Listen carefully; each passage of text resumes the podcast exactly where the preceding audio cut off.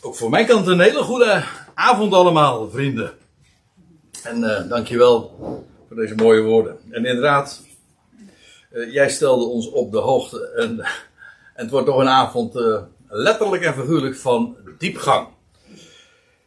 Want we zijn inmiddels aangekomen bij de laatste avond. Ik dacht eerder met deze serie te kunnen afronden, maar dat het liep allemaal toch wat uit. Maar vanavond gaan we dan toch uh, met dit zesde deel de serie afsluiten.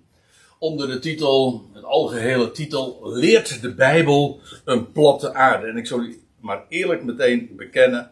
En misschien heb ik al een keertje een hint in die richting gegeven. Ik heb een beetje spijt eigenlijk achteraf van deze titel. Uh, om verschillende redenen. De eerste is, uh, het, heeft het is nauwelijks gegaan in deze zes uh, avonden over de platte aarde. Het, is wel aan de orde geweest.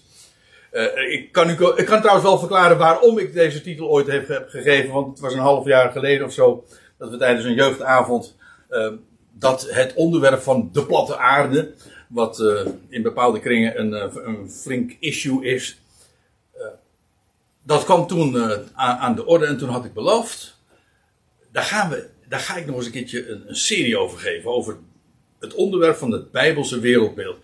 En eerlijk gezegd, en dat moet ik uh, eigenlijk ook wel uh, erbij vermelden. Ondanks het feit dat ik vind dat deze titel weliswaar niet echt het, het hele thema uh, covert, helemaal dekt. Maar het is wel een trigger. Dat is de andere kant. Hè? Want hoe zit dat nou eigenlijk? De vraagstelling is uh, in die zin, uh, denk ik, wel aan de orde gekomen. En uh, er was nog een reden waarom ik. Dat is misschien wel de belangrijkste reden waarom, waarom ik een klein beetje spijt toch heb van deze, van deze titel.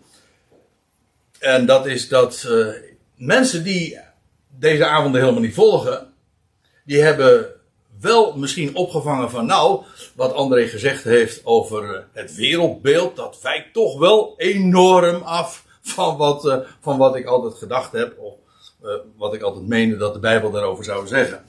En als je dat alleen hoort, en je ziet dan ook die titel van de platte aarde, dan denk je, oh, wat André vertelt, ik heb het nou van verschillende kanten gehoord. Jij hebt verteld tijdens deze serie dat de aarde plat is, hè? Ja, en toen dacht ik van, nou, is het dan toch wel zo'n goed idee geweest dat ik, uh, dat ik het, uh, deze titel heb gegeven. Vandaar dus uh, ook een klein beetje mijn, mijn twijfels nu achteraf over, over de gang van zaken. Maar goed, ik kan het niet meer veranderen. Het is prima zo. En eerlijk is eerlijk, het was wel een trigger. En dan, goed. Het ging in het algemeen over het Bijbels wereldbeeld. En vanavond dus als subthema de afgrond maar dan in het boek De Openbaring. Over de afgrond hadden we het al eerder, de vorige keer dus, maar nu specifiek over de afgrond uh, in het boek Openbaring. En dat is met recht een subthema. Hoe vindt u die? Want sub, is een Latijnse voorvoegsel of voorzetsel voor onder. Ja, dus eh, met recht. Ja, toch, dat weet u. Een submarine, dat is een onderzeeër of een, de subway, de, de metro. Hè? Nou, er zijn heel veel woorden hoor. Met uh, sub. Je hebt uh, subscript. Uh, je hebt sub. CD. Ook toch? Ja, dat is ondersteuning. Ja, ja, echt. Gewoon een sub. Hè? Een sub. Nee, met een P. Ja. Sorry. Subject. Dat is, betekent het onderwerp. Het subject van deze avond is, nou ja, subject, dat is het onderwerp. Oké. Nou, met recht dus uh, een subthema. En u weet het. De gewoonte is dat ik nog eventjes terugblik op de voorgaande avond. In dit geval, omdat het de afsluiting is, heb ik daar helemaal een goede reden voor. Even op een, kort op rijtje zetten. Wat hebben we nu eigenlijk gezien tot dusver? In de eerste avond kwam aan de orde, wat is nou eigenlijk de aarde? Dat wil zeggen, de aarde in de Bijbel. En toen bleek al heel snel, dat is volgens de definitie van God zelf, dat is het land, oftewel het droge. En daarbij ook, in de Bijbel is de aarde nimmer een hemellichaam. Het is altijd de aarde onder de hemel. Of de hemel boven de aarde. Vandaar dus dat de aarde geen hemellichaam is. Laat staan een planeet. In de Bijbel dus. Hè. En de tweede avond kwamen. Toen zijn we wat meer ingezoomd op de dagen in Genesis 1. En dat was ook wel uh, een. Uh, het waren wel bijzondere dingen die ook aan de orde kwamen. Omdat blijkt, als u het mij vraagt. En ik weet niet in hoeverre u uh, de conclusie die ik daaruit trek deel. Maar goed, laat ik het dan maar doorgeven zoals ik het toen uh, heb, naar voren heb gebracht. Dat de dagen in Genesis 1, dat zijn de dagen waarin God zijn scheppingswoorden openbaarde. Want God heeft zijn scheppingswoorden twee keer uitgesproken, ooit bij de schepping en vervolgens toen hij het ook aan de mens bekend maakte. Hoe hij de schepping heeft geschapen. En, en dat laatste, de openbaring van die scheppingswoorden, dat vond in die zes dagen plaats. En diezelfde avond kwam ook aan de orde wat nu eigenlijk de hemel is, of de hemelen, meervoud. Oftewel het uitspansel, want die twee blijken dus hetzelfde zijn. God noemde het uitspansel de hemelen. En inderdaad, eh, de hemelen, dat zijn meerdere hemelen. De Bijbel onderscheidt er sowieso drie. En ook eh, daar hebben we wat meer van gezien. De derde en de vierde avond, die waren eigenlijk wel heel apart, denk ik. Als het gaat over dat, dat bijbelse wereldbeeld. Want tot dusver, de eerste twee, waren in die zin niet spectaculair. We hebben gewoon de dingen even op een rijtje gezet. Maar wat we in de avonden drie en vier hebben besproken is eh, het fenomeen dat in de Bijbel God zelf centraal staat in zijn schepping. En daarmee ook de hemelen in het midden van de kosmos zich bevinden. En ja, dat is, uh, dat, als je dat voor het eerst hoort, dan uh, zet dat de boel uh, behoorlijk op zijn kop, of zal ik zeggen binnenste buiten. En eigenlijk dat laatste is aan de orde. Het is dus met recht een theocentrisch wereldbeeld. Waarbij je dus het verhaal krijgt dat het uitspansel zich bevindt, volgens Genesis 1, in het midden van de wateren dus. En uh, dan krijg je dus uh, inderdaad dit idee. En, uh, en, de vierde avond, toen zijn we daar nog wat dieper op ingegaan. En vragen gesteld over dat hemocentrische wereldbeeld. Waarbij ik de wetenschappelijke kant van het, van het verhaal eigenlijk zo. is buitengewoon boeiend, maar niet wezenlijk ter zake doend voor deze bespreking. Eigenlijk gaat het maar om één vraag en dat is: wat zegt de schrift daarover? En ja, dat dat anders is dan mensen denken of beweren of menen te zien ook. Uh, dat zou ons niet hoeven te verbazen. Nou, en de laatste avond, de vorige keer dus in januari, toen hebben we ons voor de eerste keer bezig gehouden met de wereld hieronder. Tot dusver was het eigenlijk uh, de aarde en wat zich daarboven bevindt. En nou ja, dan kom je vervolgens ook op de, de, de vraag van, ja, wat bevindt zich hier dan beneden? Nou, dat is dus wat met recht dus de onderwereld genoemd wordt. En uh, één ding moet daarbij worden rechtgezet. Dat heb ik toen vorige keer ook heel uitdrukkelijk gedaan. Het heeft niets met de hel te maken. Hoewel ik weet dat uh, heel dikwijls, uh, als je kijkt maar in handboeken na, dat men op het moment dat je het gaat hebben over de onderwereld, en in verband ook met de Bijbel, dan geheid dat je uh, termen tegenkomt als de hel. En dat kan helemaal niet, want de hel, de Bijbel kent geen hel. Nee, ik bedoel gewoon vanuit de schrift zelf. De Bijbel spreekt van Gehenna. En Gehenna, dat bevindt zich niet hieronder, maar dat bevindt zich gewoon hier op aarde de plek waar we al van vaststelden waar je naartoe kunt lopen. Vanaf Rotterdam is dat een heel eind, maar niettemin, het is een plek die te bezoeken is. Daarbij Jeruzalem, Gehenna, Gai Hinnom, het dal van Hinnom. En wat in de profetie nog weer een belangrijke plaats inneemt. Maar het is in ieder geval niet de onderwereld, maar dat is een plek op de aarde. Dus die, uh, die gedachte van dat dat hetzelfde zou zijn, is volstrekt uh, niet aan de orde. Het is niet bijbels. Er waren, en dat is wat we de vorige keer ook hebben gezien, verschillende termen voor de onderwereld. Of, als u het helemaal correct wil zeggen, voor dat wat zich onder de aarde bevindt. Die uitdrukking vind je diverse keren terug in de Bijbel. Over nog van wat in de hemelen, nog van wat op de aarde, nog van wat in de wateren onder de aarde is. Dat is trouwens nog een heel uh, een apart gegeven hoor. Die uitdrukking waar ik het nu over heb, dat is ontleend aan. Zeg het eens. Oh. Er, zit hier, ik, er, zit, er zijn hier hele bescheiden mensen die het. Die de, hè? Exodus toch een wetgeving? Ja, de wetgeving, ja. Exodus 20. De, de, de zogenaamde tien woorden. Nee, dat is de Bijbelse term daarvoor. En, uh, en daar wordt dat gezegd. Gij zult u geen gesneden beelden maken, nog van wat in de hemelen, nog van wat op de aarde, nog van wat in de wateren onder de aarde is. En waar ik het eigenlijk dan even op heb, over heb, is, ja, wat wordt daar nou mee bedoeld? Uh, de wateren onder de aarde, betekent dat de wateren hier beneden, wat goed te, wat goed te verdedigen is trouwens. Maar het zou natuurlijk ook gewoon heel simpel kunnen betekenen dat uh, de wateren zich uh, bevinden onder of beneden het aardsoppervlak. Wat in Nederland trouwens niet opgaat.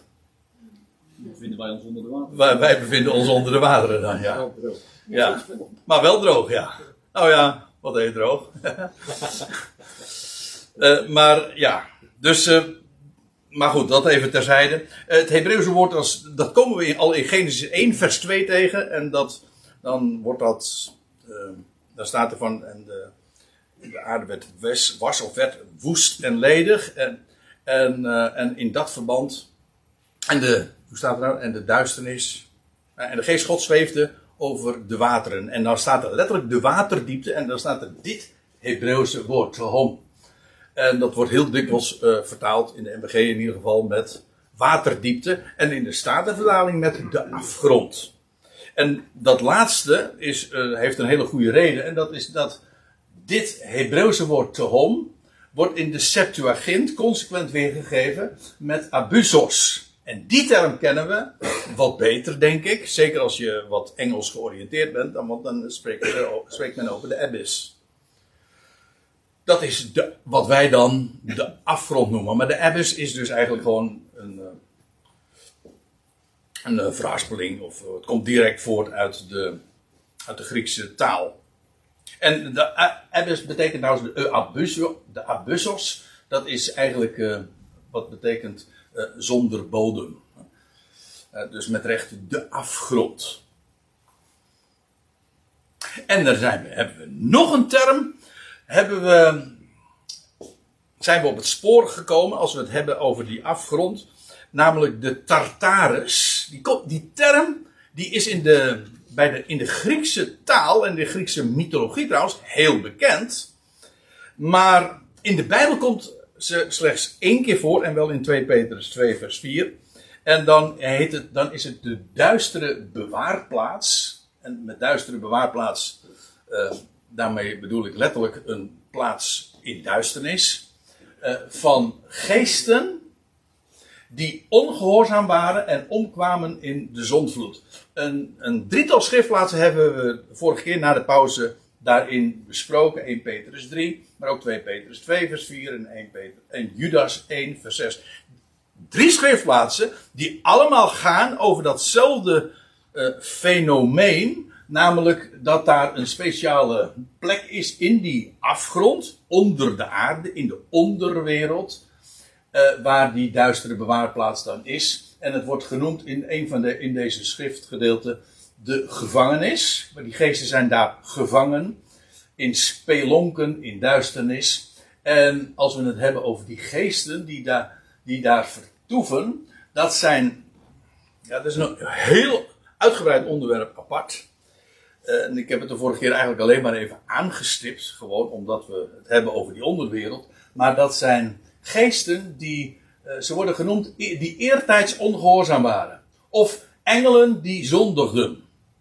Of, uh, zoals in Judas dat omschreven wordt als uh, engelen die hun oorsprong niet bewaarden. En in al die gevallen gaat het over de, de tijd vlak voorafgaand aan de zondvloed, die in Genesis 6 beschreven wordt, waar je leest dat de zonen Gods ingingen, zo heet dat dan zo, uh, bij de dochters van Adam. En gemeenschap met hen hadden. En daaruit kwamen de Nephilim, grote, reusachtige wezens voort.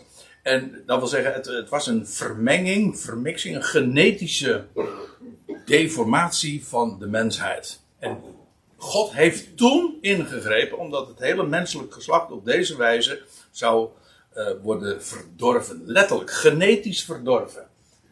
En dat fenomeen, die engelen, die werden dus hun oorsprong ontrouw. Ze bleven niet uh, gescheiden van de mens, maar hebben zich daarmee vermengd. Ik zei al, uh, dat is een uh, heel uitgebreid onderwerp apart. Ik heb daar ooit wel eens een serie over gegeven. Gaan we nu niet doen. Maar ehm, dat, dat is wel. Je zet, je zet je gelijk uit. Je hebt je afstandsbediening uitgezet. Wat, wat heb ik? Oh, heb ik. Oh. Nou. Ja. Over de onderwereld gesproken, hè? Heb ik hem nou uitgezet?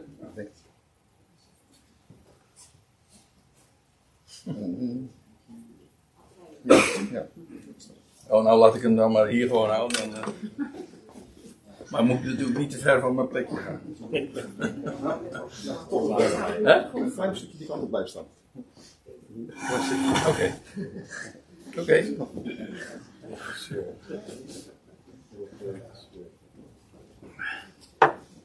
Toch wel mooi als, als je in de gaten gehouden wordt. Oké. Okay.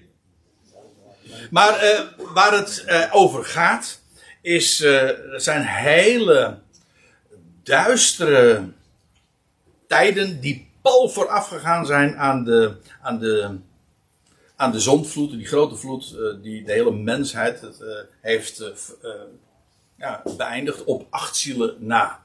Nou, over wat er toen plaatsvond, nou, daar gaan we het nu dus niet meer opnieuw over hebben. Maar ik moet er wel bij zeggen, we gaan het vanavond wel hebben over het boek Openbaring. En dat gaat dus over de tijd waarin deze aion beëindigd wordt.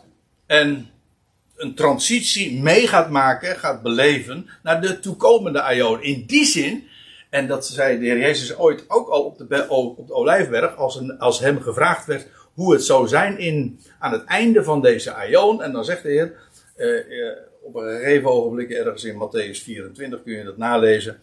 Uh, het zal zijn als in de dagen van Noach. Er zijn dus hele opmerkelijke parallellen met wat er ooit plaatsvond bij aan het einde van de voorgaande aion.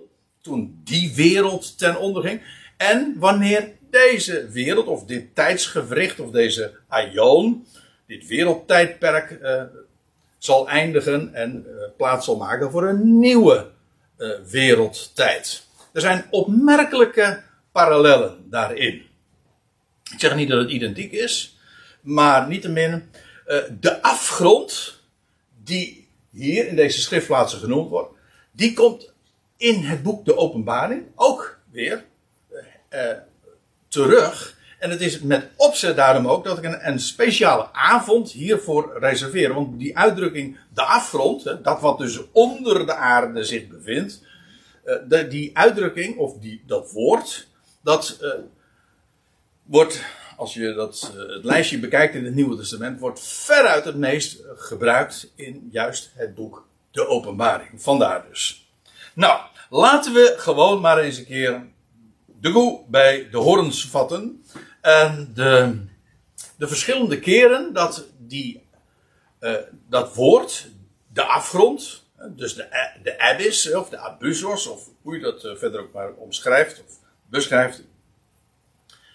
Uh, waar dat voorkomt in, in het boek Openbaring. Nou, de eerste keer in het boek Openbaring, dat is in Openbaring 9. En dit voelt een beetje als een herhalingsoefening, want we hebben hier natuurlijk een aantal jaren op deze locatie een, hoeveel avonden wel niet. Uh, een stuk of, of 40 of zo, of iets minder geloof ik. Avonden gehad over, over het boek, de openbaring. En de hele, de hele, de hele, Bijbelboek hebben we toen besproken. Hoewel, ik moet erbij zeggen, een heel gedeelte heb ik ook gewoon eh, thuis vanuit mijn studeerkamertje toen eh, nog gedaan. Want toen, mocht, eh, toen mochten we niet eens bij elkaar komen. Nou ja, hoe dan ook. toen, in die serie, is dit dus wat we vanavond gaan bespreken ook aan de orde gekomen. Maar nu dus heel specifiek wil ik daarop inzoomen, op die, de afgrond. Nou, we gaan dus naar openbaring 9. En dat is lastig. Dat is lastig om, omdat, ja, omdat je dan iedere keer dus iets moet zeggen over, over de context. Hè, over de samenhang, waarover gaat het eigenlijk. Hè? Want dan staat er in openbaring 9 vers 1. En de vijfde engel, of de vijfde boodschapper, die bazuinde. En ja, dus nou moet je even de vraag stellen, de vijfde, hoezo de vijfde? Nou, laat ik eerst eventjes eh, kortweg, even om de boel op een, toch op een rijtje te kunnen zetten. Je leest in het boek Openbaring over zegels, zeven zegels en daarop volgend zeven bazuinen. En eerst wordt die, dat boek, die boekrol geopend en dat gaat over de eigendomsrechten voor het land. En dat eh, heeft te maken met dat wat de Heer gaat doen in verband met het, met het land van Israël. En bij de zesde en de zevende zegel, eh, dat is in openbaring 6 en 7 wordt dat beschreven, dan, ja, dan zal de Heer verschijnen voor zijn volk Israël. Hij zal, zijn voeten zullen staan op de Olijfberg. En dan zal hij ook zijn volk Israël eh, verzamelen vanuit alle windstreken. En in openbaring 7 wordt dat ook beschreven. Bij het zesde zegel zie je dat de Heer open, geopenbaard wordt. Maar ook de, tekenen aan de zon en de maan die verduisterd worden. Nou, dat is een kenmerk. Het is, als dat gezegd wordt, de zon en de maan die worden verduisterd. Dan valt dat eh, samen met dat moment dat de Heer zal verschijnen op de Olijfberg. Want dan zullen namelijk ook de zon en de maan verduisterd worden. Dat is, eh, dat is een markeringspunt. Als dat gebeurt, dan, is dan, dan hebben we het over die gebeurtenis dus. Nou, en dan lees je dat Israël verzameld wordt. En dat is een, eh, en dat is een hele onderneming, kan ik u vertellen. Maar in ieder geval, als dan Israël verzameld wordt, een grote schare die niemand tellen kan. U vindt dat allemaal in openbaring 7. Dan wordt een, uit dat volk, worden er uit de twaalf stammen, worden uit elke stam afzonderlijk 12.000 mannen, jonge mannen, verzameld geselecteerd. In totaal dus, juist, 144.000. En die worden erop uitgestuurd. Moet u zich realiseren. Op dat moment van, de, van die zevende zegel, dan is Israël terug verzameld. En de Messias is, heeft, is zijn koninkrijk hier op aarde begonnen. En hij gaat zijn troon dan herstellen in Jeruzalem. Maar en dat was een van de grote onderwerpen in het, die hele serie van het boek De Openbaring. De wereld is op dat moment, de volkerenwereld, moet nog onderworpen worden. Dat is heel onbekend wat ik nu zeg. Maar het is zo evident, en niet alleen in het boek Openbaring, maar ook als je er gewoon logisch over doordenkt. Natuurlijk, als de Israël is verzameld, ja, maar dan gaat hij vervolgens strijden tegen, maar ook de wereld onder zijn heerschappij brengen. En ik zal u dit vertellen. Dat is een kei en keiharde confrontatie. Want de wereld wil daar namelijk niets van weten. En die zint op wraak. Want die beschouwt de komst van de Messias dan als een uh, zeer onwelkome invasie. Vanuit de ruimte. Ja, ja.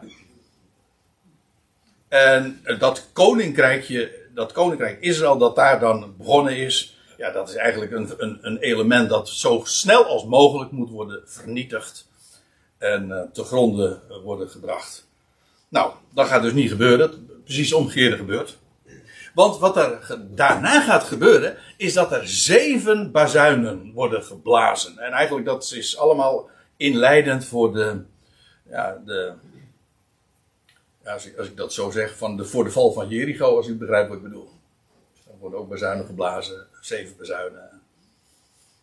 Nou, in ieder geval, dan, uh, dan zullen er gerichten over de aarde komen. Als je leest wat die zeven bazuinen inhouden, dan is dat echt enorm dramatisch en schokkend. dat zijn gerichten die over de volkerenwereld zullen komen. Israël is inmiddels hersteld. Maar de volkerenwereld moet nog worden onderworpen. En dat gebeurt dus gedurende die zeven uh, bazuinen. Die, en, en die 144.000, waar ik het dus die worden beveiligd daarvoor. Dat wil zeggen, die, uh, die worden de, in de wereld uitgezonden als ambassadeurs om het koninkrijk aan te kondigen. En zij worden gevrijwaard. Zij worden, ze staat er ook verzegeld, zodat, ze, zodat hen geen schade zal kunnen worden toegebracht door de gerichten die over de wereld zullen gaan. Het staat allemaal beschreven in openbaring 7. Ik, wat ik nu zeg, zeg ik ook niet om, om dat eh, nu te bewijzen. Ik, eigenlijk vat ik nu samen wat we destijds hebben gezien. Maar ik zeg het er wel even bij. A, omdat het nogal onbekend is. En B, om uw geheugen op te frissen. C, omdat het van belang is om dit te begrijpen. Um, ja, die oordelen gaan dus over de wereld. En in openbaring uh, de, de, de, eerste vier bazuinen. Uh, ja, dat zijn uh, bazuinen. Dat is dan, dat ze, dan gaat er een derde van, eerst van de vegetatie van de aarde. Een derde van de zee. Een derde van de rivieren en de bomen. Uh, en, en, de bronnen. Maar ook een derde van het hemelruim zal worden verwoest of beschadigd. Ja, ik als ik daaraan denk, dan moet ik altijd denken aan de actualiteit en aan allerlei programma's uh, die, uh, die de VN of de, de wereld in zijn geheel op poten zet, zeg maar, om, om het klimaat en dergelijke te beschermen hè, en om de aarde te bewaren en zo. En als je dan ziet wat de schepper zelf gaat doen, hoogstpersoonlijk, hè, en ervoor zorgt, waardoor de wereld inderdaad beschadigd wordt, uh, dat is onvoorstelbaar. En toch, ik ben er zo blij mee, want als de schepper dat zelf doet, dan, dan, dan doet hij het goed. Dat is één ding. Maar ook, uh, dan kun je ervan op aan dat dat uh, zodanig gebeurt dat hij juist daardoor uh, die nieuwe Aion, die, dat nieuwe wereldtijdperk dat hij laat aanvangen, daadwerkelijk ook met succes zal worden gestart. Dus juist het feit dat hij het doet, dat, is, dat geeft aan succes verzekerd. Hij doet het goed. En ik bedoel niet alleen maar grondig, maar ook in de zin van met een goed einde. Ja, en dan die laatste bazuinen, 5, 6 en 7. Dat is in openbaar 9 worden dat beschreven. Dat wordt dan genoemd het WWW. Moet altijd lachen als ik het zo zeg. Maar zo staat het echt, hè. WWW. En, uh, dat zijn de drie W'en, ja. Uh, in de zin dus van de, we, de W'en die een zwangere vrouw over, overkomen. Ik heb het dus niet over het World Wide Web. Nee. En het verschil is dat bij de eerste vier bazuinen wordt de aarde getroffen, of de, de schepping, maar in die laatste drie zijn zo heftig, omdat de mensheid daarin direct uh, zelf wordt getroffen.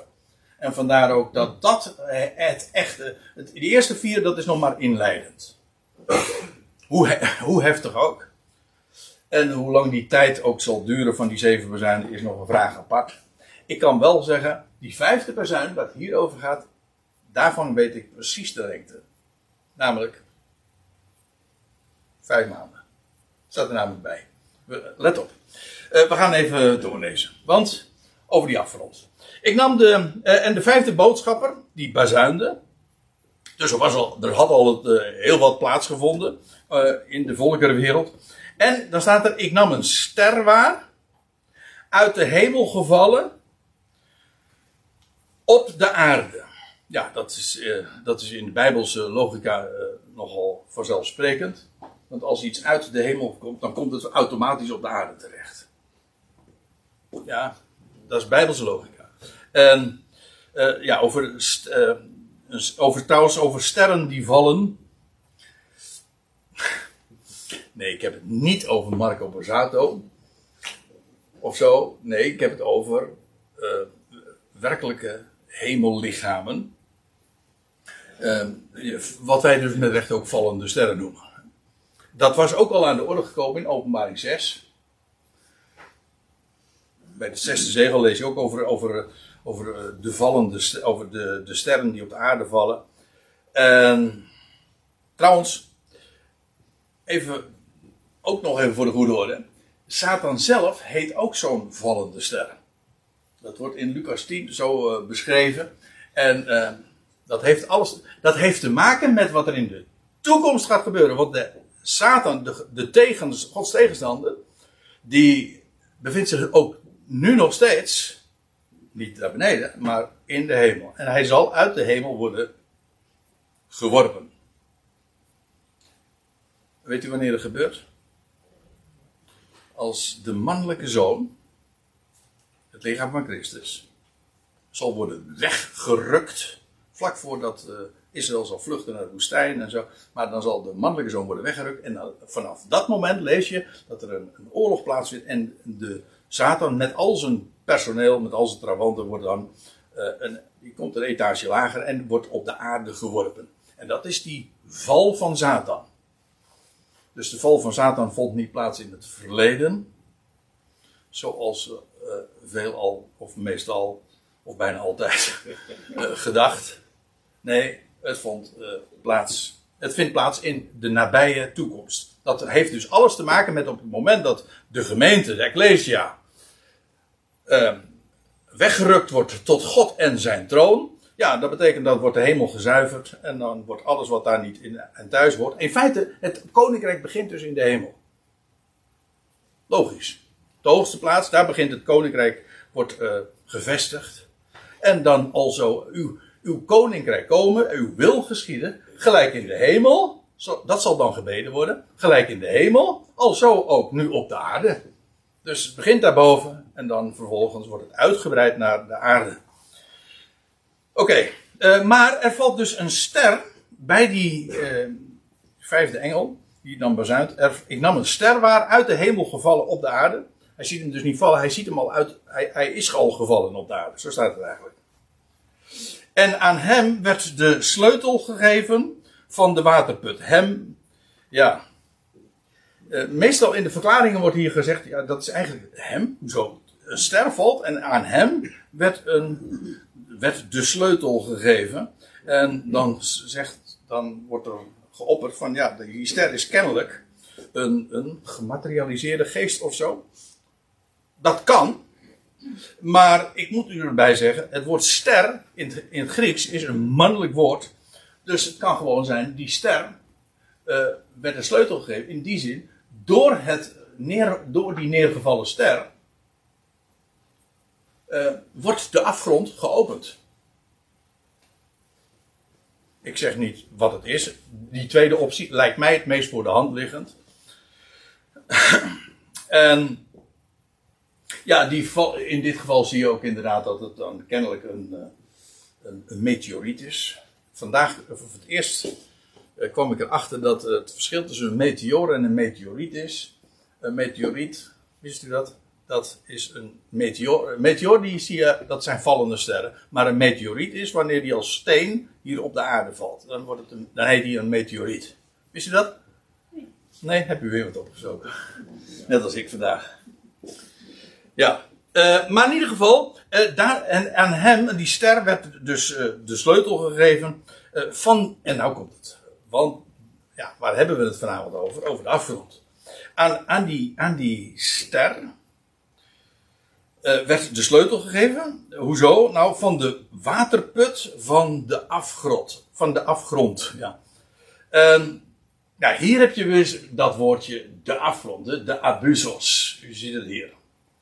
En, en dat wordt eh, hier genoemd de waterput van de afgrond. Nou, we hebben inmiddels al diverse keren gezien dat zich onder de aarde, ik heb het nu dus niet over de oceanen, maar onder de aarde zich inderdaad wateren bevinden. Een, eh, een enorm waterreservoir, vandaar ook hier een waterput. En we hebben het er al een paar keren zo over gehad. Eh, maar eh, in, ik ben erachter gekomen, en dit is trouwens, dit is bij mijn weten helemaal niet zo on, niets, bij mijn weten niet omstreden. Meestal wat ik zeg is gewoon eh, eh, wel omstreden. Dat wil zeggen, het wordt meestal ontkend. Maar, eh, oké. Ehm, maar dat er inderdaad in, de, in de diepte enorm groot waterreservoir zich bevindt. Dat noemt men de primary waters. En dat staat op een of andere wijze wel in contact met de wateren, zeg maar, in de oceanen. De wateren hier op, de aarde. Maar dat, zijn, dat is een hele aparte reservoir, een hele aparte ruimte aan zich. Daaronder, of daar ver onder kennelijk. Maar hoe dan ook. eh, hier wordt gesproken dus over. ehm, door die val van die ster, die meteoriet die op de aarde terechtkomt, waar die terechtkomt, wordt niet gezegd. Maar ehm, daardoor wordt inderdaad de waterput van de afgrond eh, geopend. En dan, ja, daar staat er ook bij. En hij opende de waterput van de afgrond. Dus door die val van de ster wordt die, die waterput van de afgrond geopend. Eh, waaruit trouwens ook blijkt, als je dit goed leest, is dat deze wateren daar waren voorheen dus afgesloten. Hè? Het feit dat ze hier nu door geopend worden, betekent dat ze daarvoor, eh, dat die waterput dus afgesloten was, eh, niet toegankelijk. En dat, eh, ook dat wijst er trouwens op dat we hier dus niet praten over de wateren eh, in de diepzee. Ergens in de Stille Oceaan, 10 kilometer onder, eh, onder de, het wateroppervlak. Want zo, zo diep zijn die oceanen hoor. Dat is onvoorstelbaar wat voor water. wat wa- gigantisch. Als je daar. Ik heb dat wel eens gezien. hoe je als je zeg maar de, de- alle bergen zeg maar, plaatst eh, zeg maar, in de oceaan. Nou ja, we hadden het juist voor de pauze, of voordat we deze avond beg- begonnen, toen hadden we het eventjes over de hoogste berg, was, is de Mount Everest. En die is 10, 11 kilometer hoog geloof ik, als ik me niet vergis. Eh, maar die past dus eh, zelfs als je, als je die zeg maar in de oceaan zou werpen. Lees je in de Bijbel trouwens ook hè, over een berg die in de. dat je- Een berg die in de zee geplaatst wordt. Nee, daar ga ik nu verder niet op in. Eh, maar eh, hoe dan ook. Eh, het gaat mij nu eventjes puur, puur om het fenomeen dat daar geweldige waterdiepten zijn. Maar hier is sprake van een waterput. De, die, was af, die was gesloten, maar die wordt hier geopend. Dus eh, de af, de, die afgrond die, waar het hier over gaat, daar, daar bevindt zich dus in die waterput die afgesloten was enorm veel water. En eh, hier wordt die geopend. En nou, wat er gebeurt is. Ja. Er is geen hoofdstuk in heel het boek Openbaring. waarin zulke aparte, bijzondere, volstrekt. eh, onvoorspelbare dingen beschreven worden. als juist in Openbaring 9. Bij, bij die, die drie dubbele W. Bij die, dat W, W, W over de aarde. Over de, dat de mensheid treft. Wat dan gaat gebeuren. eh, je leest hier, en rook steeg op vanuit de waterput. Die, dus die waterput wordt geopend, de afgrond wordt geopend. En, en, en dan rook steeg daar vanuit op. eh, als de rook van een grote smeltoven. U moet zich realiseren, en dat vind ik toch wel heel apart. eh, als je daaraan denkt, dat de mensheid die gaat dus met, vanaf dan, misschien al eerder, maar in ieder geval vanaf dan, kennis maken met de onderwereld. Letterlijk. En dan heb ik het niet over een criminele bende uiteraard. Want daar maken we nu al kennis mee. Maar ik heb het dan over eh, letterlijk de onderwereld, de abus, de, die nu nog afgesloten is. Maar dan wordt het geopend. En als daar dus een, een enorme meteorietslag, ah, inslag heeft plaatsgevonden bij, dat, eh, bij die vij- vijfde bazuin. Wel, dan wordt er tevens, dus het, de aanleiding is, het komt van boven. Een ster die valt hier op de aarde. En vervolgens wordt de put van de afgrond, van de, de waterput van de afgrond, wordt geopend. En dan vervolgens rook steeg op vanuit de waterput als rook van een grote smeltoven. Ja, en wat er dan ook nog gebeurt.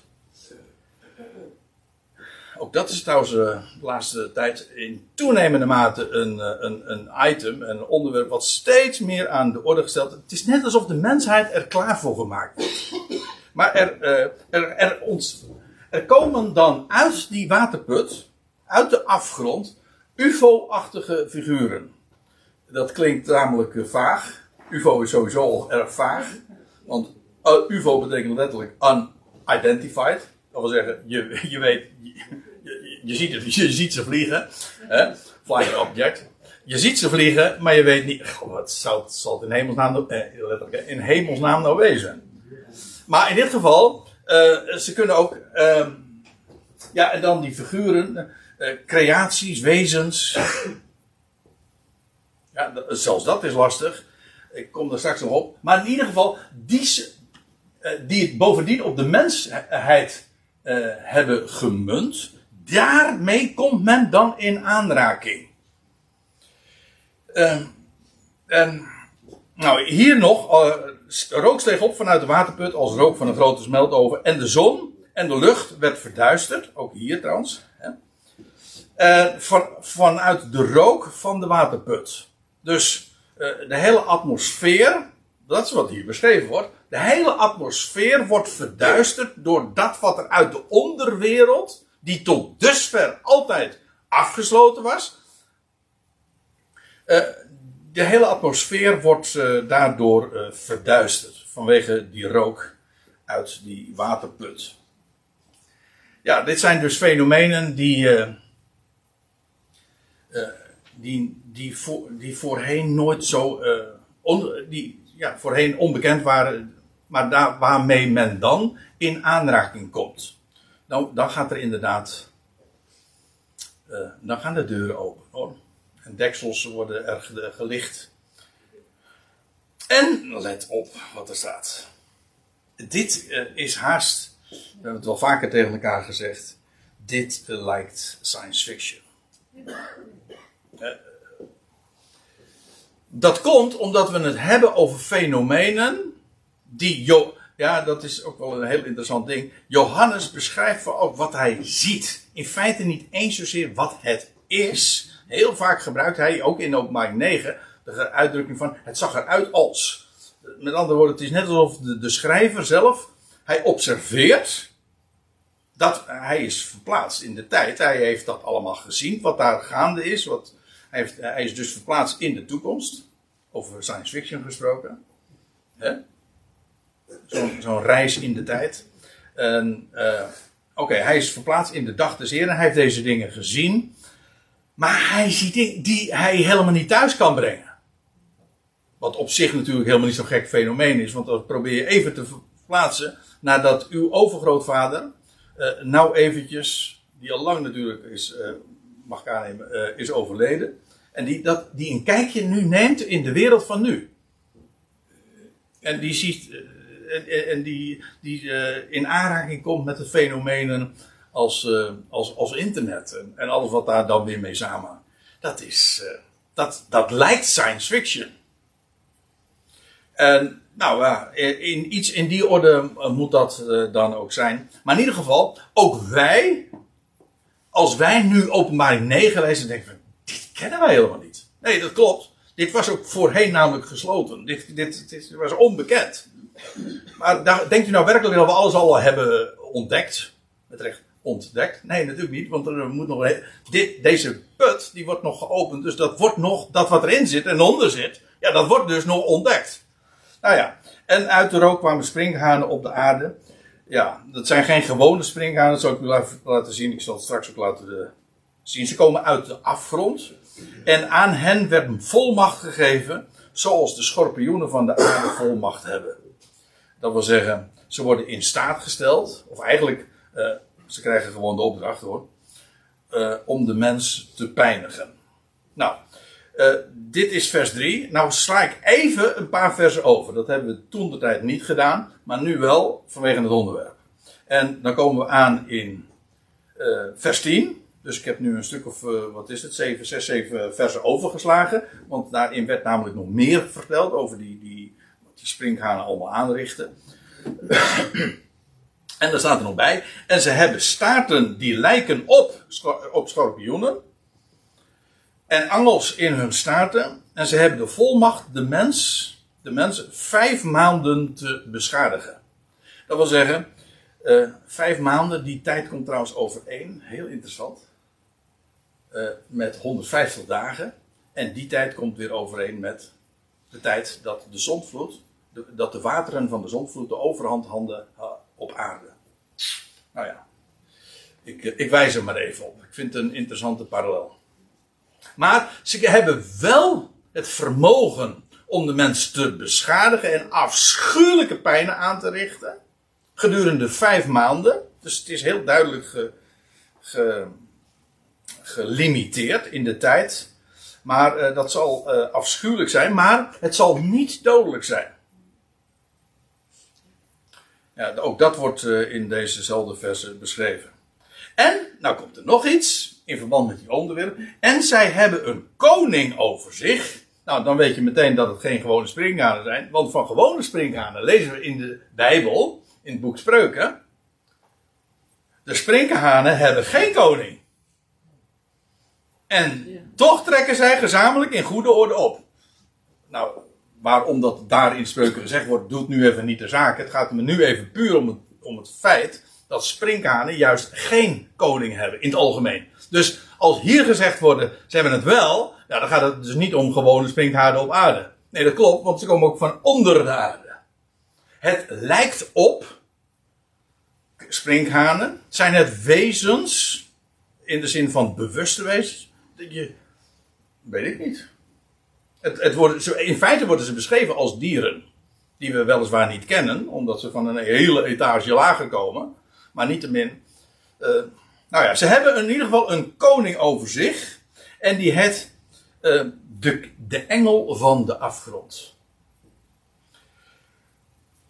Ja, dus ze worden op een of andere manier dan toch dus eh, aangestuurd. Hè?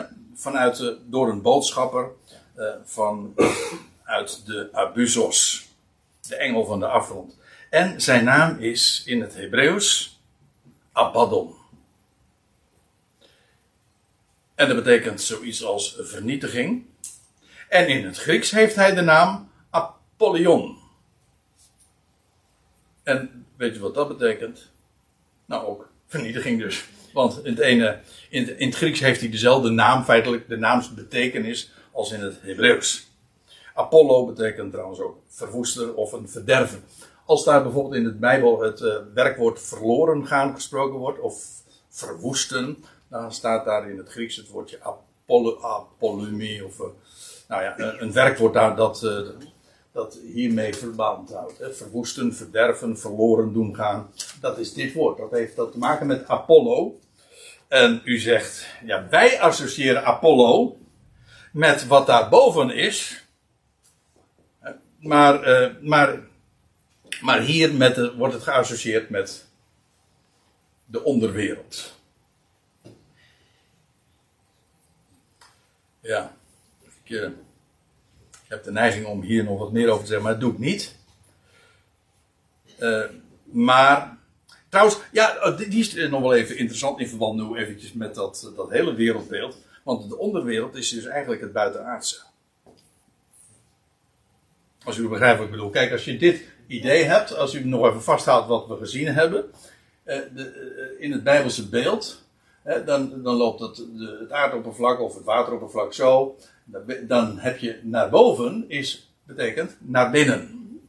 Maar dat betekent dus als je naar onder gaat, ga je naar buiten. Dus het- onderaardse is dus eigenlijk gewoon het buitenaardse.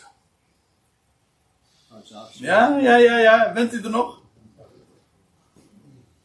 Dus, eh, ja, met buiten, wat bedoel je eigenlijk? Als mensen het hebben over buitenaards, dan bedoelen ze meestal dat dat wel vandaan komt. Maar is dat zo? Nou, ik stel het maar even als vraag. Gewoon, als eh, hersengymnastiek, zal ik maar zeggen. Ja. We gaan eerst even pauze. Zo. Deze break was eventjes nodig. Het zijn, eh, zijn wel heftige dingen waar eh, we mee geconfronteerd worden als je het boek eh, Openbaring leest. Het is eigenlijk wel apart dat we op deze wijze met recht ook de serie kunnen afsluiten met het laatste Bijbelboek. Dat ligt dan ook wel weer erg voor de hand. En trouwens ook de, de link met de actualiteit. Met dingen die nu eigenlijk al, zeg maar, we zitten in de aanloop. Je ziet allerlei fenomenen die, die zich steeds meer aandienen. We hadden het al eerder over het gerommel met DNA. Wat daar plaatsvindt. En de enorme technologie die zeg maar, zich aandringt. En dat dat meteen ook linken legt met dat wat er plaatsvond vlak voor de. Hè, in de dagen van Noach.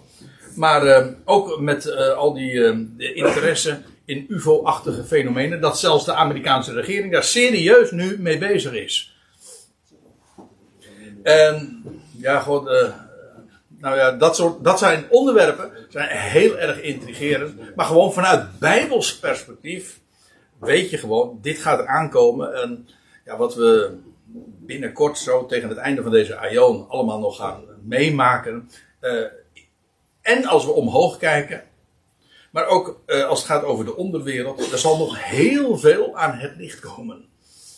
We hadden het in de pauze nog even over dat, eh, dat bij het zesde zegel lees je ook dat, dat als de Heer zal verschijnen, dat de, he- de hemel week terug gelijk een boekrol. En dan kijkt men zo in de hemel. Dan gaan ze dingen zien die nog never nooit gezien zijn. Net zo goed als dat wat, als die, die, die afgrond geopend wordt, of de put van die, wa- die waterput geopend wordt, ja, dan, worden, dan wordt die onderwereld, komt ineens. eh daar worden ze keihard mee geconfronteerd. Oké, we hebben inmiddels het een en ander gezien. We gaan, eh, ik, ik wil alle voorkomens toch even in ieder geval vermeld hebben. En ik eh, geef mezelf daarbij een eh, flinke, zware opdracht, al zeg ik het zelf. Want nu moet ik dus iedere keer toch, om, om de, ja, de connectie aan te leggen, aan te brengen, moet ik toch even iets vertellen over de, de, de context. Kijk, we gaan nu naar openbaring 11 en daar is sprake van het beest. Ik zet hem met een hoofdletter. Dat, u vindt misschien dat ik hem daarmee te veel eer geef. Eh, door dit beest uitgerekend dan nog met een, eh, een hoofdletter te schrijven. Maar dat is meer eigenlijk omdat het een soort naam is. Vandaar. Oké. Ehm, maar hij komt uit de afgrond. Ja, en dat. En openbaring 11. Moet ik weer even iets zeggen. Want daar staat er. En wanneer zij hun getuigenis tot een einde zouden brengen. Openbaring 11, vers 7. Ja, over wie hebben we het dan? Waarover hebben we het dan? Nou, dan gaat het over de twee getuigen. Kijk, even kort, weer zonder al te veel bonnetjes, want die kan ik nu niet even zo kort aanleveren. Maar goed, ehm, ik zou zeggen, ik, mag, eh, ik kan in dit verband even verwijzen naar de serie die eh, recentelijk nog hier eh, op deze locatie is gegeven.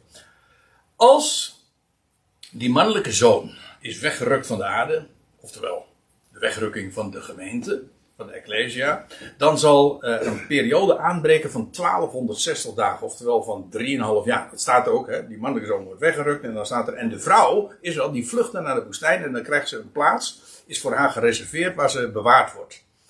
En waar ze wordt onderhouden en waar ze veilig is. Maar in het land ondertussen vindt daar een enorme verdrukking plaats. 1260 dagen, of eigenlijk moet ik zeggen, als de, als de verdrukking wordt beschreven, wordt dat gedaan in termen van maanden. Heel interessant. Als gesproken wordt over goddelijke activiteit. De twee getuigen die hun, eh, hun, hun getuigenis geven, dan wordt er gezegd 1260 dagen. Maar als er gesproken wordt over de, de wereld van de duisternis, bijvoorbeeld het, opereren van, van, van dat beest, eh, of over verdrukking, dan heet het 42 maanden. Verschil is, eh, een dag heeft te maken met de zon, de maand heeft te maken met de maan, ja, met de duisternis. Ik noem altijd eh, de maan de nachtvorst. De, de, heerschappij heeft over de nacht, zo was het eh, toch? Als daar die grote verdrukking aanbreekt, dus eh, de gemeente wordt weggerukt, dan lees je dat er eh, de tempeldienst, die dan weer zal draaien, dat gaan we nog meemaken als je het mij vraagt. Dat, eh, dan gaat dus weer, eh, ja, moet ik er ook nog even bij zeggen, er gaat dus weer een tempel hersteld worden in Jeruzalem. En op een, er komt een moment dat die tempeldienst wordt abrupt, wordt beëindigd. En dan wordt er een afgodsbeeld geplaatst op het tempelplein.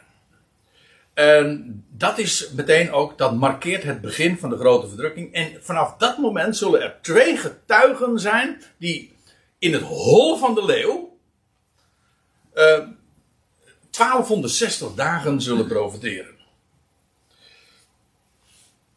Ja, dat is dus tijdens Israëls grote verdrukking. En zij zullen dan getuigen op het tempelplein daar in Jeruzalem.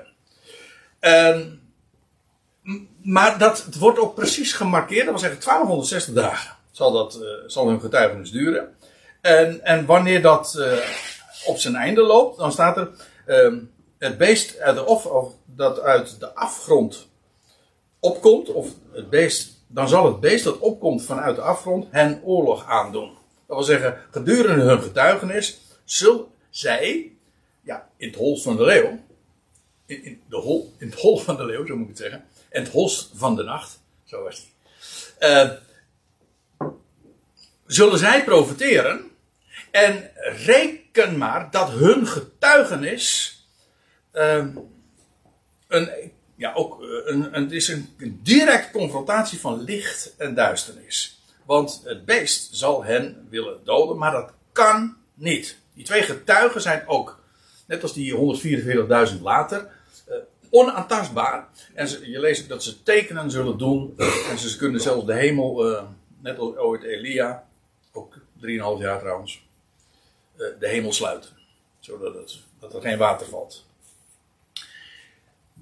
1260 dagen opereren zij, spreken zij daar. En zal hun getuigenis ook een enorme impact hebben.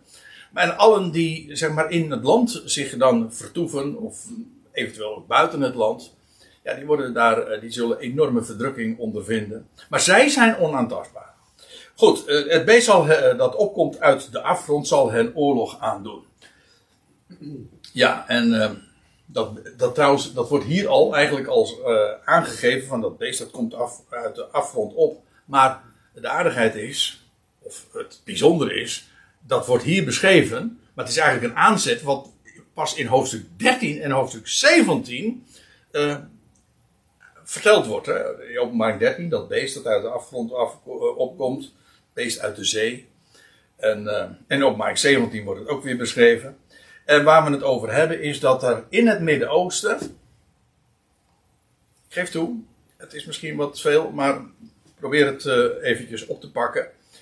Eh, in het Midden-Oosten zal er een tien-statenbond ontstaan. Dat beest, dat namelijk heeft tien horens en dat staat erbij, dat zijn tien koningen en die zullen een federatie vormen. En Maar dat niet alleen, ze wordt, die, die federatie wordt geleid.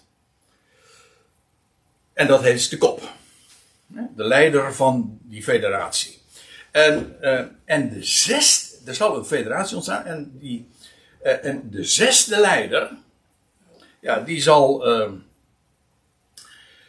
die zal worden getroffen, dodelijk worden getroffen, en, maar zal herleven. En op het moment dat hij herleeft, ja, hoe kan, u moet zich voorstellen, dat daar de leider van dat, dat, dat wereldrijk, in het Midden-Oosten trouwens, dat zal, eh, er zal een moordaanslag op hem plaatsvinden, hij zal sterven, maar vervolgens zal hij herleven. Hoe komt dat? Nou, dat komt omdat hij leven krijgt vanuit de afgrond. Hij staat dus op uit de dood. Dus kun je je voorstellen dat dat eh, messiaanse eh, proporties zal hebben. En dan, je leest dan ook, als dat gebeurt, kijk maar naar in openbaring 13, dan zal de hele wereld met verbazing achter hem aanlopen. Kunt je voorstellen dat een, een, een leider, in dit, geval de, de nummer 6, en hij komt om. En vervolgens, eh, en dan maakt hij plaats voor een, een, een- de zevende leider. Ja, maar, die, die hij, maar heel kort, want wat blijkt, die zesde die herleeft. En, dat, en op dat moment, hij krijgt, hij, de geest die hij krijgt, komt uit de afgrond. Dus hij is eigenlijk gewoon bezeten. Eh, Die, dat beest uit de afgrond is met recht dus bezeten. En, en zo zal hij ook eh, met, met de meest duistere, diabolische of eh, krachten de wereld ook misleiden. Hij is dus inderdaad een incarnatie, een vleeswording vanuit de onderwereld. Nou ja, hoe dan ook, dat beest. eh, dat zal dus hen, die twee getuigen daar op het tempelplein, de oorlog aandoen. En het zal hen overwinnen. Dat wil zeggen, aan het einde van die tijd, van die 1260 dagen, oftewel aan het einde van de grote verdrukking. En het zal hen doden. Dus dat beest zal eindelijk dan toch succes hebben. Zo'n succes dat je leest dat hun, de, hun lijken zullen liggen op het plein en heel de wereld zal dat zien. Ook, heb je ook weer zo'n fenomeen. Zeg je, huh? hoe kan de hele. Moet je je voorstellen dat Johannes schrijft: heel de wereld zal het zien dat die twee getuigen daar, hun lijken daar een paar dagen op het, op het tempelplein liggen. Hoe kan dat nou weer? Kun je je voorstellen dat jij als eerste eeuws lezer je de vraag stelt van. My goodness, hoe is dat nou mogelijk dat de hele wereld dat zal zien? Wij inmiddels stellen ons die vraag niet meer, want wij weten hoe dat. Wij zijn vertrouwd met die technologie en met die techniek. En, maar goed, je, en dan lees je dat de hele wereld blij in zal zijn dat die twee lastposten, die twee getuigen, gedood zijn. En je leest dat ze elkaar ook geschenken zullen uh, sturen. En gewoon uit vreugde dat het eindelijk dat voorbij is. um, maar uh, die vreugde blijkt, uh, is toch maar kort, want je leest dan na 3,5 dag staan ze op. Dat is dus ook het einde van de grote verdrukking. Het valt allemaal samen met de terugkeer van de Heer. Dat is heel veel, hè? Wat ik nu even zo vertel. Zeker als je dit nooit eerder gehoord hebt. Van. Oké. Nou ja, dat is uw probleem. ik heb trouwens geleerd dat als je mensen, als je heel veel, de mensen heel veel uh, informatie geeft, in dit geval ook, hè, dat staat er, dat staat er, dat staat er, dat ze uh, mensen dan uh, ongelooflijk veel inzicht kunnen opnemen. Ja. Dus uh, dat is. Dus ik doe met opzet deze overload aan informatie. Zeg van, want als trouwens, twee weken geleden had ik nog een gesprek met iemand en die van eigenlijk van helemaal niks, of van zo goed als niks, was die in, eigenlijk nu kort bezig met Bijbelstudie. En het was fenomenaal hoe die in no time vertrouwd raakte met de hele Bijbelse boodschap. En dat was, je zegt van ja, misschien bijzonder intelligent. Nee, dat was het niet. Het is als je. Dat... wat, wat zeg je dan? Waarom zit je te lachen? Dat het ook niet gaat. nou ja, nee, ik ga geen namen noemen. Trouwens, dat zegt u toch niks. Maar ja, dat, is, dat is verbazingwekkend. Hoe dat kan en. Uh, nou ja, uh, dat zeg ik eventjes om mezelf te excuseren, zeg maar. En goed, die twee getuigen zullen dus inderdaad dan ter dood gebracht worden, maar die zullen inderdaad opstaan. Je leest trouwens dat, dat een groot gedeelte van Jeruzalem dan bij die gelegenheid ook instort. Dat valt ook weer samen met het moment dat de, olijfberg zal scheuren. Kun je je voorstellen dat dat een gigantische aardbeving is?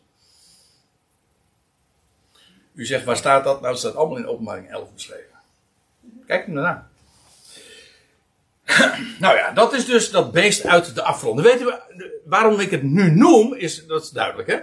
Dat, het is het beest uit de afgrond, omdat het weliswaar gaat over een mens, jawel, maar hij herleeft en hij krijgt de geest, ja, niet met een hoofdletter, maar hij krijgt de geest vanuit de afgrond, zodat hij dus inderdaad een bezeten iemand is en die uh, die daarom uh, in die, ja, ook helemaal past in die laatste fase van deze aion.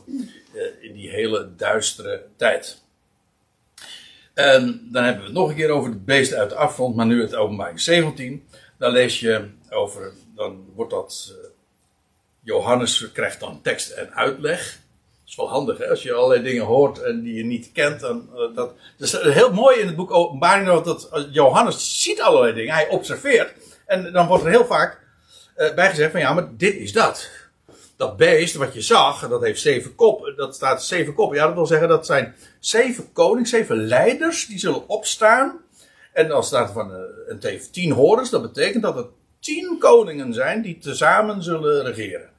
Dus de beeld, er is heel veel beeldspraak, jawel, maar die beeldspraak, die metaforen, die worden gewoon keurig uitgelegd. Of in het boek Openbaring, of al veel eerder in bijvoorbeeld Daniel of Ezekiel. Dus de schrift legt zichzelf uit. Oké, en dan wordt tegen Johannes gezegd: het beest dat je waarnam, dat was wel, dat is niet, en het is aanstaande op te komen. Dit is een wat letterlijke vertaling, maar, eh, dit, maar waar we het hier over hebben is precies dat fenomeen waar ik het zojuist over had. Het was wel, het is niet, en het komt weer, en het eh, zeer binnenkort, hè, of meteen eigenlijk ook weer, eh, komt het alsnog op. Ja, dat komt omdat het hier gaat over dat beest. Kop nummer 6, de zesde leider. Vijf vallen er, tegelijk of uh, respectievelijk. Maar in ieder geval kop nummer 6, dat uh, is daar. Hij is niet, hij wordt namelijk gedood. En is dus niet. En wordt vervangen door nummer 7. En vervolgens komt hij toch weer op. Dat wil zeggen, hij staat op. Herstelt wonderbaarlijk, namelijk vanuit de afgrond. Hij komt uh, vanuit de afgrond. Hier, voor de tweede keer wordt dat van het beest hier gezegd. Dat hij vanuit de afgrond opkomt. En waarom dat wel, hij wel was en niet is en vervolgens toch weer opkomt. En hoe hij zo uit de zeven is en toch nummer acht. Begrijp je dan ook meteen. Toch? Hij is uit de zeven, want hij is nummer zes. Ja, maar hij is ook de achtste. Snapt u? De zesde als nummer 6 gedood wordt, dan maakt hij plaats voor een zevende leider. Ja, maar die is maar, daar staat er ook nog bij, een vers later hier geloof ik.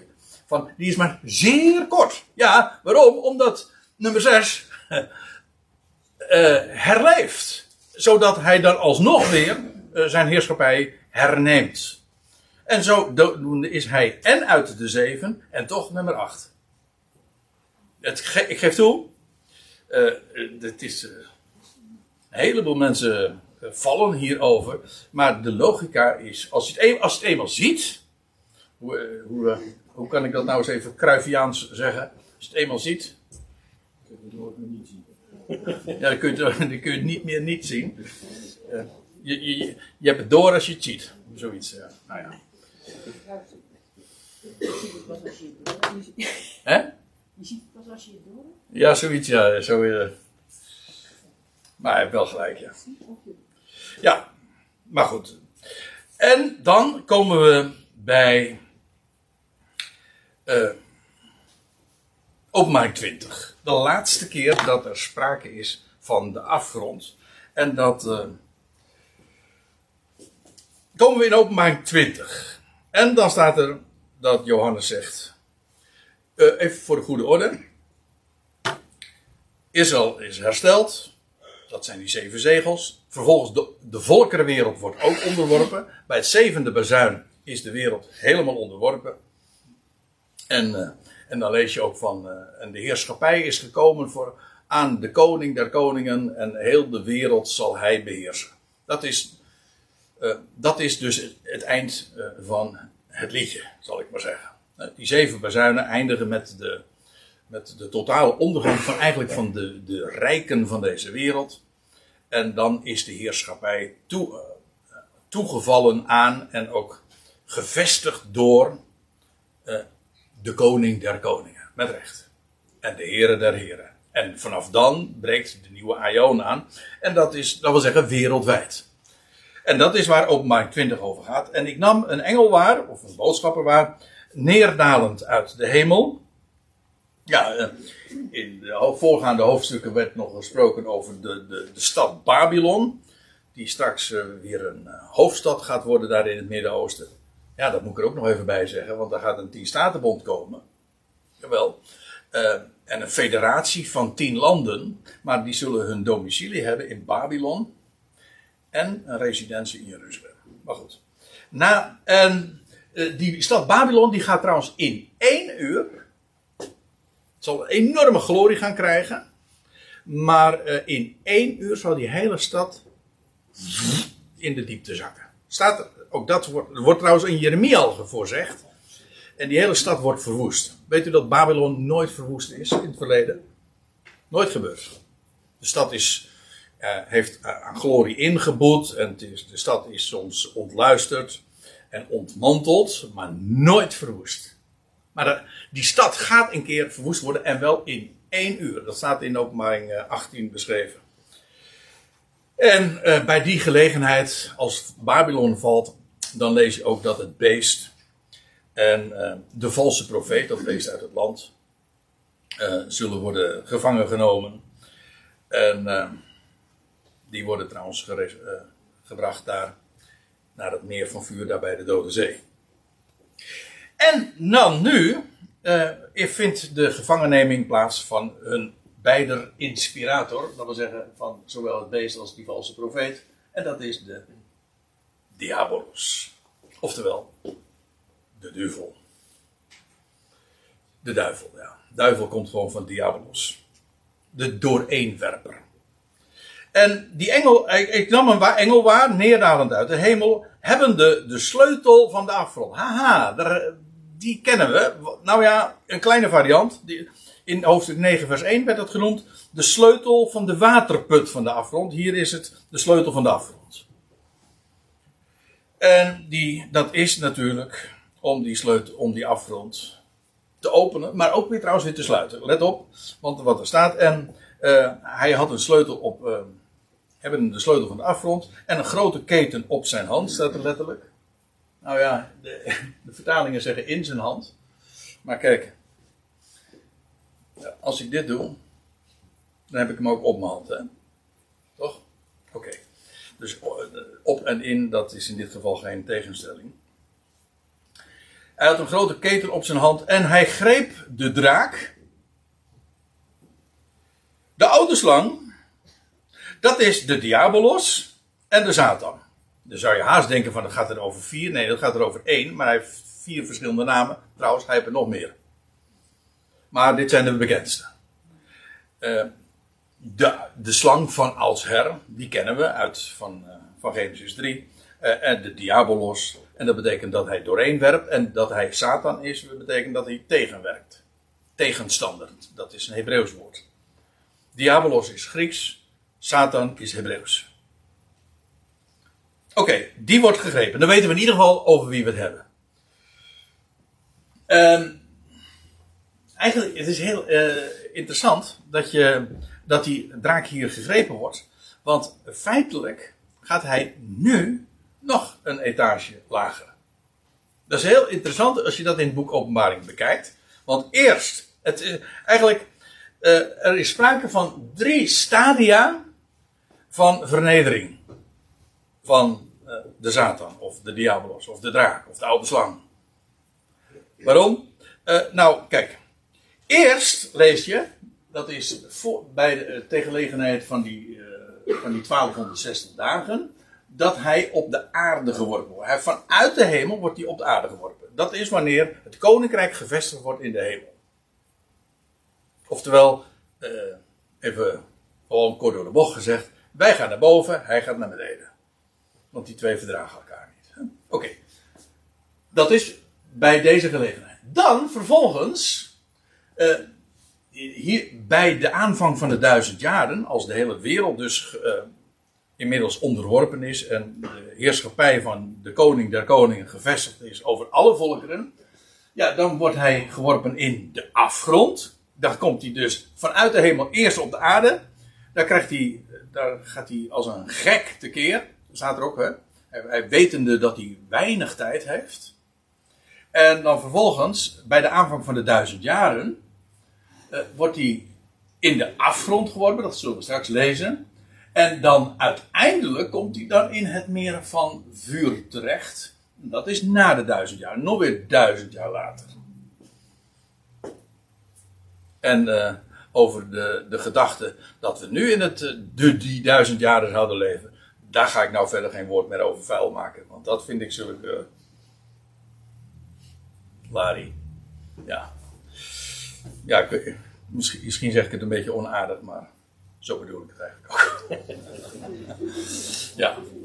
Ik, ik heb dat een, bizarre gedachte gevonden. De meeste mensen die trouwens zo uitleggen, die, eh, die willen zich verder niet werpen op een studie van het boek De Openbaring, want we begrijpen dat toch niet. Dan denk ik van nou, die conclusie klo- klopt dan wel natuurlijk. Oké. Dat wordt trouwens ook beschreven in datzelfde openbaring 20. Oké, eh, die engel die, die eh, wacht even, nou moet ik het even goed zeggen. Hij greep de draak, die oude slang, de diabolos en de Satan.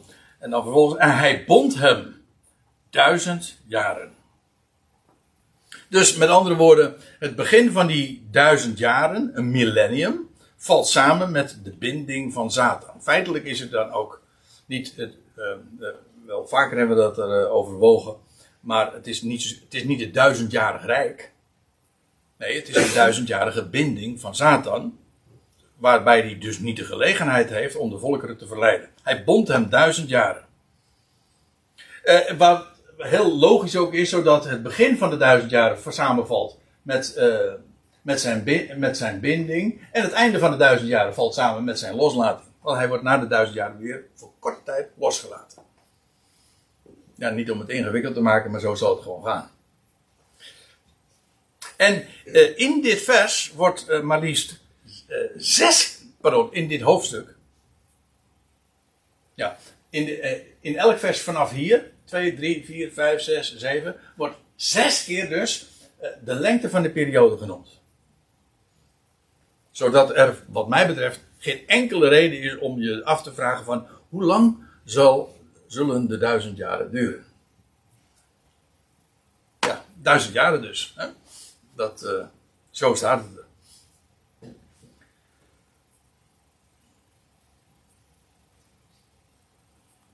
En staat er dan, hij bond hem duizend jaren. En hij wierp hem in de afgrond en sloot en verzegelde die boven hem. Nou, eh, dit is toch wel een hele eh, duidelijke manier om aan te geven eh, dat hem, die Satan, die Diabolos, geen enkele bewegingsvrijheid nog geboden wordt hier, om hier op aarde actief te zijn. Zoals hij dat kort ervoor juist wel heel actief was. En eh, nu, vanaf nu, eh, niet meer. Hij wordt gebonden. Hij wordt, hij wordt gegrepen. Hij wordt gebonden. Hij wordt in de afgrond geworpen. Hoe diep maakt me niet uit, maar in ieder geval diep zat. Ehm, en de afgrond wordt bovendien weer afgesloten. En de afsluiting wordt ook nog eens een keer verzegeld. Zo staat het er, hè? En hij verzegelde die bovenaan. Nou, hoe duidelijk wil je maken dat die Satan daar beneden helemaal niets meer kan doen hier op aarde. En dat staat er ook bij, hè, op, opdat hij de natieën niet meer zou doen dwalen. Alleen deze aanwijzing, weet je al, we leven nu niet in de duizend jaren. Toch? Daarom zeg ik, eh, al te veel goede woorden wil- hoeven aan die andere gedachten van dat we nu in het duizendjaren rijk leven eh, niet te spanderen. Opdat hij de natieën, dat wil zeggen de overgebleven natieën, want reken maar dat er een hele decimatie plaatsvindt van de wereldbevolking. Eh, gedurende die periode van de bazuinen. Je leest ook een derde deel van de mensheid zal omkomen. Dat lees je in verband met die schalen dan. Dus eh, dan praten we toch, als we het nu hebben over in de termen van hoeveel leven we nu? 7 miljard. Praten we over miljarden mensen die inderdaad het leven gaan laten. Ik, wat ik nu zeg, is onvoorstelbaar hè. Maar het woord zegt het. Het zal gebeuren. Dus dat is zo'n ongekend heftige tijd.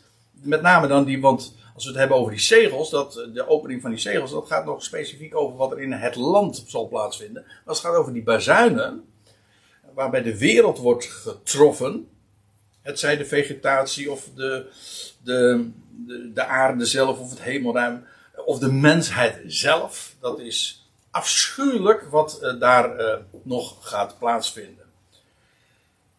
En in feite heeft het helemaal het karakter eh, van het, het schoonmaken van de wereld. Feitelijk is dat hetzelfde fenomeen als wat ook in de dagen van Noach plaatsvond. Ook dat was een, een reiniging van deze wereld, eh, zodat er een hele nieuwe aion gaat aanvangen. Maar nu, dit keer onder heerschappij van de enige rechthebber. Namelijk het lammetje dat geslacht is. Oftewel, de leeuw van Juda. En, en deze, de, zoals iemand anders hem eh, altijd noemt, de oude tuinslang, eh, die zal eh, dan geen, geen enkele gelegenheid meer hebben om de natieën te doen dwalen. Totdat de duizend jaren, het millennium, het millennium, de zeven, dat is de zevende dag. Is zo logisch allemaal. Hè? Er zijn bijna 6000 menselijke jaren vanaf Adam berekend voorbij. En dan, ja, dan breekt dus de zevende dag aan. Hè? Want voor de is nu eenmaal een dag als duizend jaar. Dan breekt het zevende millennium aan. En dat is dus de dag. De dag des Heren, met recht. en gedurende dat millennium zal hij niet in staat zijn om de natieën te doen dwalen. En eh, totdat de duizend jaren voleindigd zullen worden. En daarna moet hij een kleine tijd worden losgemaakt. Nou ja, over, over die. eh, over dat eh, verschijnsel hoeven we het nu verder niet meer te hebben. Maar Satans verblijf in de afgrond is in feite, heeft het karakter van een voorlopige hechtenis. Eh, want daarna zal blijken dat hij een, zoals dat in criminele termen heet, een recidivist is. Dat wil zeggen, hij gaat gewoon verder met waar hij altijd mee bezig was. Dus eh, er moet nog een grondiger ingreep plaatsvinden. En dat gebeurt ook. Ja, ja, en nou, ja, gewoon. Ik ben er nu eh, snel doorheen gegaan. Ik wil met één ding nog afsluiten. Ik zie dat het. Ja, ik heb, ik, dat moet ik doen. Ik heb de vorige keer dat ook gedaan. Maar ik wil met opzet het nog een keer aanhalen. Om het, eh, ook de gebeurtenissen in verband met de onderwereld, zoals het boek Openbaring hierover spreekt. En dat is buitengewoon heftig. Maar om het in perspectief te plaatsen. Want, zoals net al gezegd, alles, al die gerichten, die crisissen, die oordelen die, waar het boek Openbaring over spreekt, hebben het karakter van het schoonmaken, het reinigen. Het, het gereed maken van de wereld, hè, om het in een transitie te brengen, hoe pijnlijk ook, om een hele nieuwe wereld tot stand te brengen. Ja, maar dat is één ding. Maar ik ga u vertellen, alles, elk creatuur dat bewustzijn heeft. En dat kan spreken. En dat zich kan onderwerpen. Dat zal de knieën buigen voor de enige rechthebber. Oké, niet meteen. Dat is waar.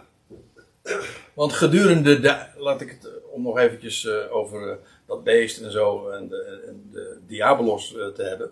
We weten dat zij gedurende de ionen dat Christus zal heersen, daar zullen ze niet bij zijn. Of ze zijn in de tweede dood en weten van niks, of ze worden gepijnigd, of ze worden daar opgevoed, om zo te zeggen. En, maar in ieder geval, ze zullen daardoor pijn ondergaan. Maar het eindpunt staat absoluut vast, en dat is dat. Nou, en nou. Sorry komen we nog even bij Filippenzen 2. Want er is ooit die ene geweest. Die in de gestalte gods was en die zich vernederd heeft en de, en de gestalte van een slaaf heeft aangenomen. En hij heeft zich vernederd en is gehoorzaam geworden tot de dood. Ja, tot de dood van het kruis. En dan lees je, daarom ook verhoogde God hem uitermate. En hij schenkt hem in genade de naam boven alle naam. Opdat in de naam van Jezus, Yahweh is redder alle knie zal buigen van, en nou komt het, en nou zijn we toch weer helemaal terug. Hè, de slang bijt in zijn staart. Hè, de cirkel is weer rond. Uh, het, de hele kosmos, en de Bijbel spreekt eigenlijk daarover in, in termen van drie verdiepingen: de hemelsen, de aardsen en de onderaardsen. Oké. Daar zijn nog gradaties en treden tussen enzovoort. Maar dat is in, in feite, als je het hier hebt, hè, we bevinden ons op het aardoppervlak en heb je daarboven de hemelsen. En daaronder heb je de onderaardsen. En hier heb je dan de aardsen. Maar alle knie zal buigen van ongeacht Hemelsen, aardse en onderaardse. Dus ook zij. En ja, wa- waarbij denk je, waar denk je aan onderaardsen? Dat alles wat zich onder het aardoppervlakte bevindt. Het eerste, meest simpele gedachte, de associatie is. Dat alles wat overleden en begraven is. Ja, die zijn onderaards. Toch? In het dodenrijk heet dat dan. In het graf. Eh, we denken ook, maar dat, hebben, dat weten we inmiddels, de geesten in de gevangenis. Waar we het eerder over hadden. Dat zijn die wezens die eigenlijk gematerialiseerde mensen. Nee, ge- gematerialiseerde geesten die zich voordeden als mensen. Maar die geesten bevinden zich in de gevangenis. Allemaal in de Tartarus, de afgrond. Eh, de engelen van de afgrond hebben we over gelezen. En Satan. Ja, dat is een beetje ingewikkeld, want eh, waar is Satan nou bij in te delen? Op dit moment is hij een hemelse. Straks wordt hij een aardse. En dan wordt hij een onderaardse. Want hij komt in de afgrond terecht. Dus als je nou vraagt van ja, maar waar hoort Satan nou thuis? Nou, je, je kan verdedigen alle drie. Hè? En als je waar hoort hij? Nou, als Satan, als tegenstander hoort hij in ieder geval onder de aarde terecht. Eh, maar, maak, ongeacht waar een creatie zich ook bevindt, elke knie gaat buigen. Van elk wezen dat daarboven is, van elk wezen, van al die miljarden die hier op aarde zijn, of van al die, ik weet echt niet in welk aantal ik moet denken, wat zich onder de aarde bevindt. Allemaal. Elk knietje. En elk gaat buigen. Dat wil zeggen, zich onderschikken. Buigen van de knie is in de Bijbel. Gaat maar na. Is altijd vrijwillig. Ja. Nou ja, ga ik nu verder niet eh, op in. Maar. eh, eh, en dan nog iets. En alle tong zal instemmen. Geen lippendienst. Alle tong, de binnenkant.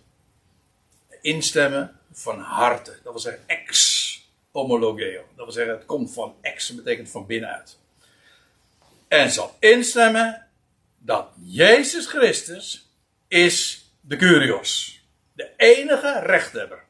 Niet omdat hij het gezocht heeft, want hij, heeft, had de gezindheid van Christus was dat het alleen maar om God ging. Ja. Maar juist daarom heeft God hem ook de naam gegeven boven alle naam. En in zijn naam zal Is redder. Zal iedereen, zal iedereen tot de erkenning komen. Jezus Christus is de Heer. En beheerser. En de Curios. En dat zal zijn tot heerlijkheid van God, de Vader. Dit is de God die we kennen in de Bijbel.